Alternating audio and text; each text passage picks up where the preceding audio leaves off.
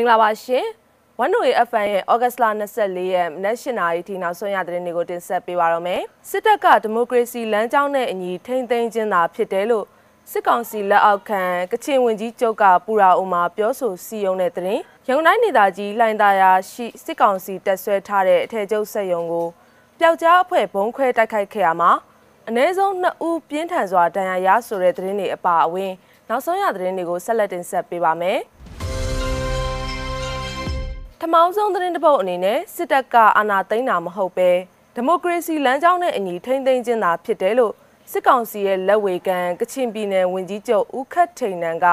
ပူရာအိုခီးစင်မှာစီယုံပြောဆိုသွားပါတယ်။ပူရာအိုမြို့ကိုဩဂတ်လ22ရက်မှာရောက်ရှိခဲ့တဲ့ဦးခတ်ထိန်နန်ကရမီရဖတွေယဉ်ကျေးမှုကောင်းဆောင်တွေဘာသာရေးကောင်းဆောင်တွေပရိဟိတလူငယ်တွေနဲ့တွေ့ဆုံရမှာရက်သားအစိုးရဟာ ဒီမိုကရေစီလမ်းကြောင်းကနေသွေဖယ်လာတဲ့အတွက်ထိမ့်သိမ်းပေးခြင်းသာဖြစ်တယ်လို့ပြောဆိုခဲ့တာပါအကြမ်းဖက်စစ်ကောင်စီတပ်ကတပ်ဖွဲ့ဝင်အင်အားဖြည့်တင်နိုင်ရေးအတွက်ပြည်သူစစ်အဖွဲ့ဝင်တွေကိုလက်နက်တွေတပ်ဆင်ပေးပြီးဒေသခံလူထုအင်အားစုဆောင်နေတယ်လို့လည်းဒေသခံတွေကပြောပါတယ်အခုလိုအင်အားစုဆောင်ရမှာဘာသာရေးကောင်းဆောင်တွေနဲ့ရိုးရာရင်ကျေးမှုဘက်ကလူကြီးတွေအထူးပါဝင်နေခြင်းကိုဒေသခံလူငယ်တွေအတွင်ဝေဖန်မှုတွေရှိနေခြင်း ဥက္ခထိန်နန်ရဲ့ပြောကြားချက်ကမီးထိုးပေးသလိုဖြစ်သွားတာပါဥက္ခထိန်နန်က2023မှာရွေးကောက်ပွဲပြန်လုပ်မှာဖြစ်ပြီးအနိုင်ရသူကိုပြန်လည်အုပ်ချုပ်ခိုင်းမယ်လို့လည်းထည့်သွင်းပြောကြားသွားခဲ့ပါတယ်ကချင်ဝန်ကြီးချုပ်ဟာဩဂတ်လ26ရက်မှာမြကြီးနားကိုပြန်มาလဲဖြစ်ပါတယ်လက်ရှိအချိန်မှာတော့ပူရာအုံမှာလုံခြုံရေးတင်းကျပ်ထားပြီးစစ်ကောင်စီရဲ့ထောက်ပို့တက်အမြောက်တက်တွေကိုပါ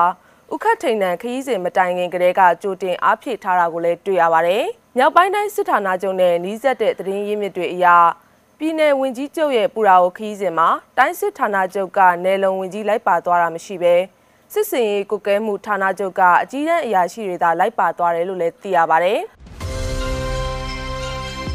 နောက်ထပ်သတင်းတစ်ပုဒ်အနေနဲ့မြန်မာနိုင်ငံတော်ဗဟိုဘဏ်ကအမေရိကန်ဒေါ်လာ10သန်းကိုဩဂတ်လ23ရက်ကထုတ်ရောင်းခဲ့တယ်လို့ဗဟိုဘဏ်ကထုတ်ပြန်ခဲ့ပါတယ်။ဈေးပြိုင်လေးလံဈေးအတွက်ပြန်မြငွေလဲနှုန်းဟာ 1660ကျပ်ဖြစ်ပါတယ်။အာနာသိမ့်ပြီးနောက်ပိုင်းဗဟိုဘဏ်ကအမေရိကန်ဒေါ်လာတွေကိုထုတ်ရောင်းခဲ့တာဟာ6ကြိမ်ရှိပြီဖြစ်ပြီးအခုချိန်မှာအများဆုံးပမာဏဖြစ်ပါတယ်။ဗဟိုဘဏ်ကနေဖေဖော်ဝါရီလကနေဒီနေ့အထိအမေရိကန်ဒေါ်လာစုစုပေါင်း89.8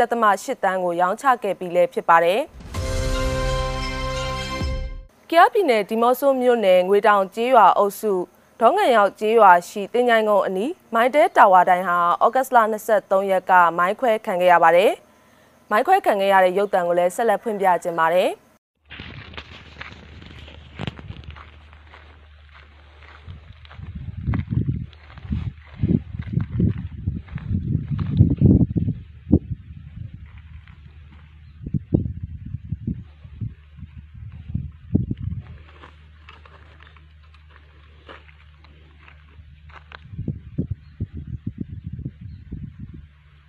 တက်ထားမယ်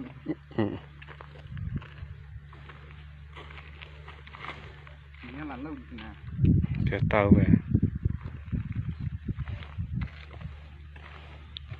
ခါနဲ့တော့လာဆောက်တယ်ပြောတယ်ဟမ်ခါနဲ့တော့ဒီမှာလာဆောက်တယ်ပြောတယ်ဖွင့်အဲစစ်တာလားအေးငါစစ်တာလားဘယ်ဟုတ်ဟိုကစစ်တာပဲ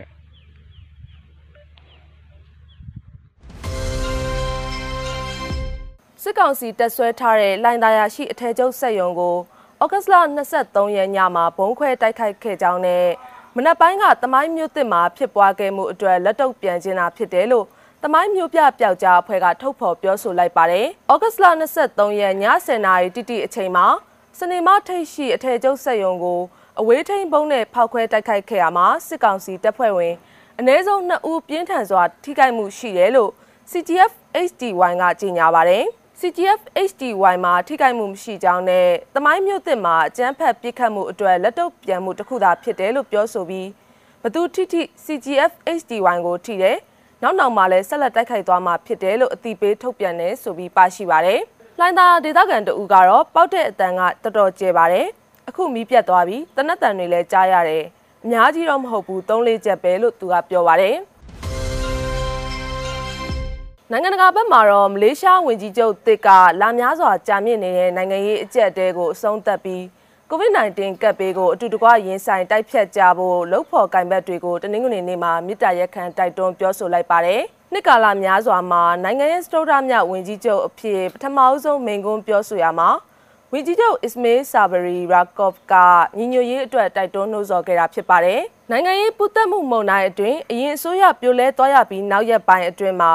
အစ္စမေးဆာဘရီရာကော့ဖ်ကကပ်ပေးကနေနိုင်ငံပြန်လည်ဥမော်ရေးမှာကူညီထောက်ပံ့ကြဖို့ညီညွတ်ကြရေးလွတ်တော်အမတ်တွေကိုတိုက်တွန်းပါတယ်။နိုင်ငံကိုထုံးနှံနေတဲ့နိုင်ငံရေးအကြက်အတဲဟာပြည်သူတွေကြားမငြိမ်သက်မှုတွေကိုဖြစ်ပွားစေရဲလို့အသက်62နှစ်အရွယ်ရှိဝင်ကြီးချုပ်တစ်ကတနင်္ဂနွေနေ့ညနေပိုင်းမှာရုပ်တံကနေမိန့်ခွန်းပြောခဲ့တာပါကျွန်တော်တို့ကိုရှေ့ဆက်လှုပ်ဆောင်ခွင့်ပေးပါနိုင်ငံရေးအာဏာလုတာတွေကိုဟန့်တားခွင့်ပေးပါလို့သူကပြောပါတယ် မလေးရှားနိုင်ငံဟာအစိုးရရဲ့ကပ်ပေးကင်တွယ်ပုံကိုပြည်သူတွေမကျေနပ်စိတ်တွေကြီးထွားလာတဲ့ကြားမှာပဲ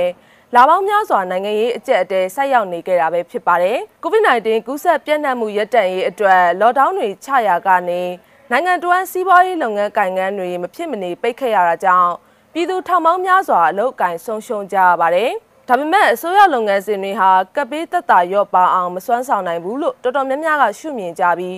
နေ့စဉ်ကူးစက်သူ2000ကျော်နဲ့တေဆုံးသူရာနဲ့ချီတဲ့ပြင်းပြနှုံထားကြောင်းမလေးရှားနိုင်ငံရဲ့ကျန်းမာရေးစနစ်ဟာလည်းမနိုင်ဝင်ဖြစ်စီလို့နေပါတယ်။ပြည်သူဝယ်လိုမှုစွမ်းအားကိုမြင့်တင်ပြီးနိုင်ငံမှာဒုက္ခကြုံနေတဲ့ပုဂ္ဂလိကကဏ္ဍကိုအားဖြည့်ကူညီတဲ့အပေါ်အာယုံဆိုင်လှုပ်ဆောင်လို့စီးပွားရေးပြန်လည်ထူမတ်အောင်အစိုးရကရည်မှန်းထားတယ်လို့ Ismail Sabri Rakov ကပြောပါတယ်။အလုတ်ကိုင်းနဲ့အသက်မွေးဝမ်းကြောင်းတွေဆုံးရှုံးရတဲ့မလေးရှားပြည်သူတွေကိုကျွန်တော်တို့ဥတီသွားမှာဖြစ်ပါတယ်လို့သူကပြောခဲ့ပါတယ်။ ဝန်တို့ရဲ့ FM နဲ့ပိုင်းနောက်ဆုံးရသတင်းတွေကိုတင်ဆက်ပေးကြတာပါ။နားဆင်မိခဲ့ကြတဲ့ပြည်သူတွေအားလုံးစိတ်ချမ်းသာခြင်းကိုယ်ကျန်းမာခြင်းနဲ့ပြည့်စုံနိုင်ကြပါစေရှင်။